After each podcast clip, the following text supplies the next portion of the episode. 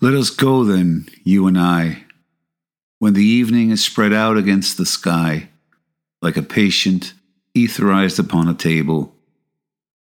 Let us go through certain half deserted streets, the muttering retreats of restless nights in one night cheap hotels, and sawdust restaurants with oyster shells. Streets that follow like a tedious argument of insidious intent to lead you to an overwhelming question. Oh, do not ask, what is it? Let us go and make our visit. In the room, the women come and go, talking of Michelangelo. The yellow fog that rubs its back upon the window panes. The yellow smoke that rubs its muzzle on the window panes. Licked its tongue into the corners of the evening.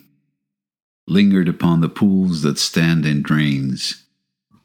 Slipped by the terrace, made a sudden leap and seeing that it was a soft October night, curled once about the house and fell asleep.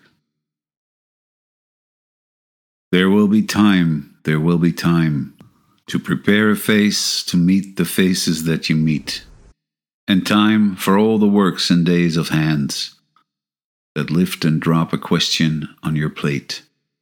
Time for you and time for me, and time yet for a hundred indecisions, and for a hundred visions and revisions.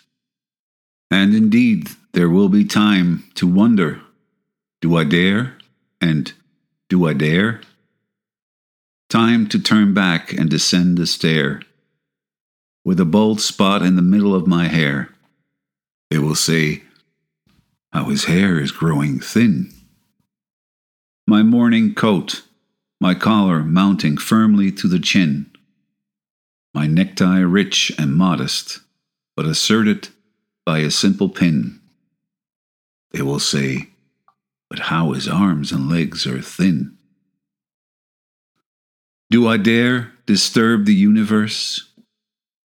In a minute there is time for decisions and revisions, which a minute will reverse. For I have known them already, known them all. Have known the evenings, mornings, afternoons. I have measured out my life with coffee spoons. I know the voices dying with a dying fall beneath the music from a farther room. So how should I presume? And I have known the eyes already, known them all, the eyes that fix you in a formulated phrase and when I'm formulated, sprawling on a pin, when I'm pinned and wriggling on the wall, then how should I begin to spit out all the butt ends of my days and ways?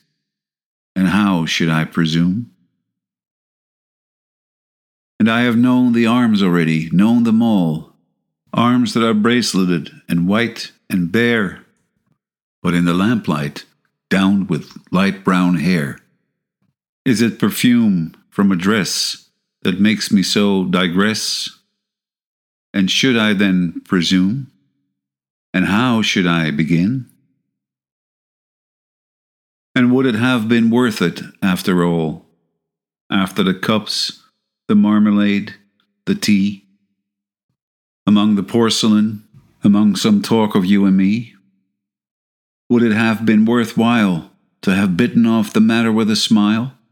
to have squeezed the universe into a ball, to roll it toward some overwhelming question, to say, I am Lazarus, come from the dead, come back to tell you all. I shall tell you all. If one, settling a pillow by her head, should say, That's not what I meant at all. That's not it at all. No, I'm not Prince Hamlet nor was meant to be. I am an attendant lord, one that will do to swell a progress, start a scene or two. Advise the prince, no doubt an easy tool. Differential, glad to be of use. Politic, cautious and meticulous, full of high sentence, but a bit obtuse. At times, indeed, almost ridiculous. Almost, at times, the fool. I grow old. I grow old. I shall wear the bottoms of my trousers rolled. Shall I part my hair behind? Do I dare to eat a peach? I shall wear white flannel trousers and walk upon the beach. I have heard the mermaids singing, each to each. I do not think that they will sing to me. I have seen them riding seaward on the waves, combing the white hair of the waves blown back. When the wind blows the water white and black. We have lingered in the chambers of the sea, by sea girls wreathed with seaweed red and brown, till human voices wake us and we drown.